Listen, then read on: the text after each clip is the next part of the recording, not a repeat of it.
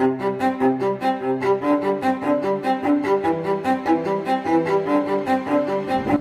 kabar semuanya? Kembali lagi di artos.id FM, ruang media pajakmu. Seperti biasa, tidak lain dan tidak bukan bersama saya, Angga Prayoga.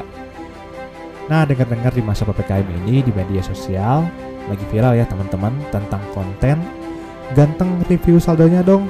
Nah, yang di mana sama Direktorat Jenderal Pajak ikut berkomentar di konten tersebut.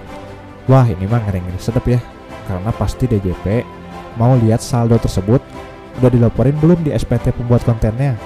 Gitu teman-teman. Jadi hati-hati kalau mau pamer harta. DJP lagi eksis loh di media sosial. Jadi sarannya ya bijaklah dalam bermedia sosial. Ada baiknya mungkin ya kontennya yang biasa-biasa aja lah ya lagi PPKM gini kan lagi pada pusing semuanya mending bikin konten yang bisa naikin imun Nah ngomong-ngomong sekarang DJP kan sedang eksis ya di media sosial. Ternyata kita punya berita pajak. Kalau pajak sekarang memang mulai gencar kejar seleb medsos. Nah terus di sesi podcast kita akan sharing terkait dengan imbalan tambahan dari proses restitusi pajak atau disebut pengembalian pajak yang ternyata imbalan tersebut merupakan penghasilan objek pajak yang harus dihitung di SPT tahunan. Nah, dan yang terakhir, ya seperti biasa, di akhir sesi kita akan bacain pertanyaan-pertanyaan yang masuk ke WhatsApp artos.id di 081 Nah, mari kita langsung saja masuk ke sesi berita pajak.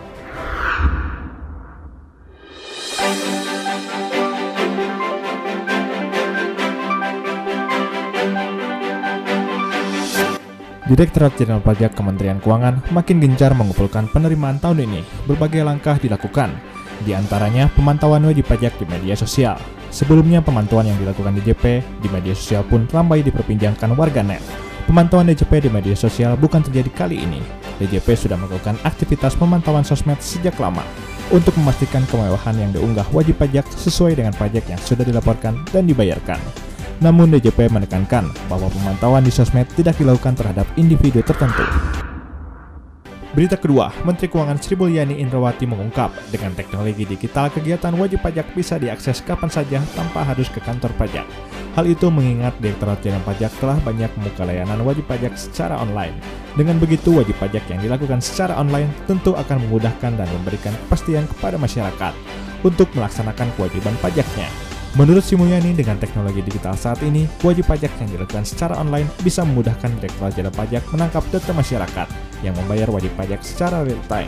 Sri Mulyani berpesan kepada Direktorat Jenderal Pajak untuk terus meningkatkan kebijakan yang memudahkan masyarakat dan juga harus terus meningkatkan kepercayaan masyarakat pada layanan wajib pajak.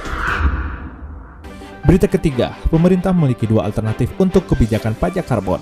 Pajak karbon di Indonesia adalah pungutan atas karbon dan bisa berbentuk beragam, baik perpajakan maupun non-perpajakan. Alternatif penerapannya antara lain menggunakan instrumen yang telah ada saat ini, seperti cukai, PPH, PPN, PPNBM, atau PNBP. Selanjutnya, penerapan di tingkat daerah seperti pajak kendaraan bermotor dan pajak bahan bakar kendaraan bermotor. Objek potensial di Indonesia adalah bahan bakar fosil dan emisi yang dikeluarkan oleh pabrik ataupun kendaraan bermotor. Dengan penggunaan yang dominan, maka bahan bakar yang dapat dikenakan diutamakan yang memiliki kandungan karbon tinggi seperti batu bara, solar, dan bensin. Demikian sejumlah berita dan informasi pilihan yang dapat saya sampaikan ke ruang dengar Anda.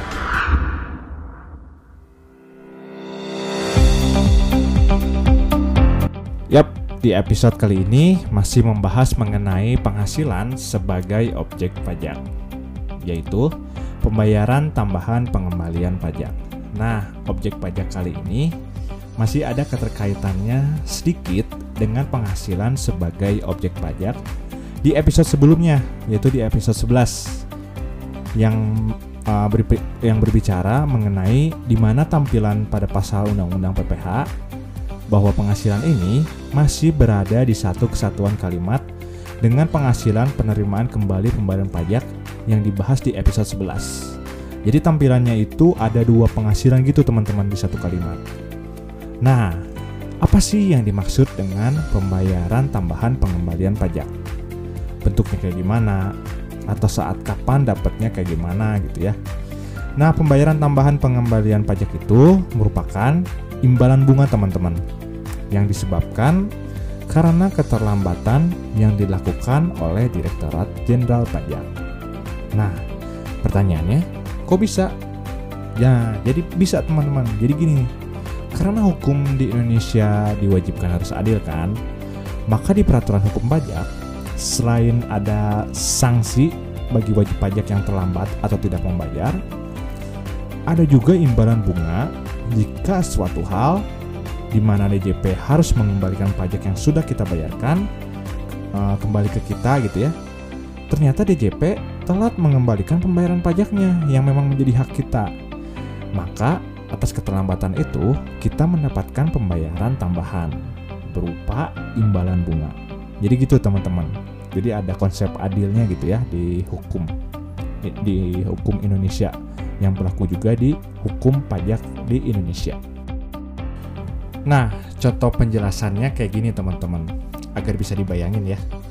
Pembayaran tambahan pengembalian pajak ini biasanya kan dihasilkan dari proses restitusi atau nama lainnya pengembalian kelebihan pembayaran pajak. Nah, singkatnya, pengembalian ini kan biasanya terjadi kalau teman-teman di mana pembayaran pajak yang teman-teman sudah cicil bayar ya di bulan-bulan sebelumnya ternyata kelebihan pembayarannya yang teman-teman lakuin daripada pajak terhutang yang teman-teman hitung di akhir tahun pada SPT tahunan. Nah, otomatis kan uh, teman-teman meminta pengembalian pajaknya dong ke kantor pajak ya.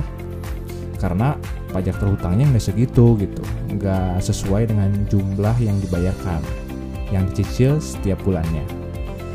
Nah, uh, proses meminta inilah yang dimaksud dengan proses restitusi atau pengembalian pajak. Nah, ternyata singkat cerita, uh, ternyata kantor pajak mengembalikan uang pajak teman-teman itu terlambat karena suatu hal. Contohnya bisa juga karena pengembalian kelebihan pembayaran pajak dilakukan oleh kantor pajaknya itu setelah jangka waktu yang sudah ditentukan di peraturan pajak. Nah, itu bisa terlambatnya. Atau terlambat karena kantor pajak uh, terlambat menerbitkan surat ketetapan pajak lebih bayarnya. Kan restitusi itu harus ada surat ketetapan pajaknya ya. Dari proses pemeriksaan dulu. Baru nanti ternyata oh iya bener nih uh, teman apa pembayaran pajak yang teman-teman lakuin itu uh, kelebihan bayarnya. Nah, baru terbitlah surat ketetapan pajak mengenai lebih bayar. Ternyata surat ketetapan pajak itu diterbitkannya itu terlambat. Nah, itu juga bisa. Nah, itu banyak jadi apa? Uh, banyak hal ya yang bisa menyebabkan uh, kantor pajak itu telat uh, mengembalikan pembayaran pajak yang teman-teman udah lakuin. Nah, jika seperti itu, maka teman-teman mendapatkan hak berupa imbalan bunga yang tarifnya imbalan bunga tersebut ditentukan oleh Menteri Keuangan setiap bulannya, di mana tarif tersebut dikalikan dengan jumlah kelebihan pembayaran pajak yang terlambat. Nah, imbalan bunga inilah yang dimaksud dengan pembayaran tambahan pengembalian pajak sebagai penghasilan objek pajak. Nah, jadi teman-teman kalau misalnya mendapatkan imbalan bunga tersebut ya, harus dilaporkan di SPT tahunan teman-teman sebagai penghasilan yang nanti akan menjadi uh, apa dasar dalam menghitung uh, pajak penghasilan tahunan gitu teman-teman nah itu dia terkait dengan pembayaran tambahan pengembalian pajak semoga dapat bermanfaat khususnya jika teman-teman uh, sedang dalam proses perhitungan pajak di SPT tahunan yang teman-teman lakuin. Semoga bermanfaat podcast kali ini. Terima kasih.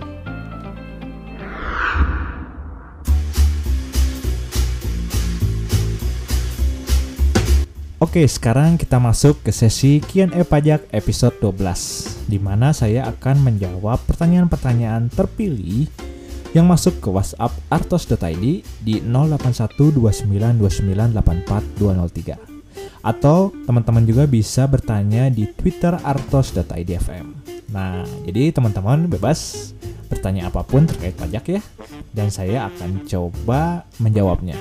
Semoga bermanfaat untuk teman-teman ya. Nah, pertanyaan dari 08572482 sekian sekian sekian.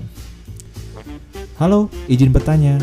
Jika mendapatkan pembayaran dari invoice berupa penghasilan sewa, ya, tagihan sewa maksudnya, di mana pembayarannya itu full 100% tidak dipotong pajak. Maka saya harus bagaimana? Apakah harus membayar sendiri pajaknya? Nah, oke, okay. kalau kasusnya kayak gini, teman-teman harus tahu dulu bahwa kewajiban memotong itu ada di pihak pemberi penghasilan. Sehingga jika teman-teman uh, posisinya itu sebagai penerima penghasilan, tidak usah cemas. Solusinya adalah uh, laporkan penghasilan tersebut ya dari invoice yang dibayarkan 100% tanpa pemotongan pajak tersebut di SPT tahunan teman-teman. Sehingga pajak penghasilan dari invoice tersebut akan dibayarkan bebarengan dengan perhitungan pajak tahunan. Gitu teman-teman. Dan itu nggak disangsi karena teman-teman uh, apa kewajiban memotong itu ada di pihak pemberi penghasilan. Nah, jadi uh, ngaruhnya itu uh, kan jadi teman-teman nggak dapat bukti potongnya ya. Maka pada saat uh, perhitungan pajak tahunan di SPT tahunan teman-teman tidak ada kredit pajak saat menghitung pajak tahunannya. Jadi cuma itu aja sih. Jadi bayarnya itu semua di pajak tahunan. Jadi sekaligus dengan pajak tahunan perhitungannya. Nah itulah jawaban menurut saya terkait dengan perlakuan jika tidak mendapatkan bukti potong penghasilan atas penghasilan yang teman-teman terima. Oke, semoga jelas. Semoga Q&A tersebut bermanfaat, terutama bagi saya, bagi yang bertanya, dan juga bagi yang mendengarkan. Nah itulah Artos di FM episode 12. Terima kasih bagi yang sudah mendengarkan. Saya Angga Priyoga. Sampai jumpa.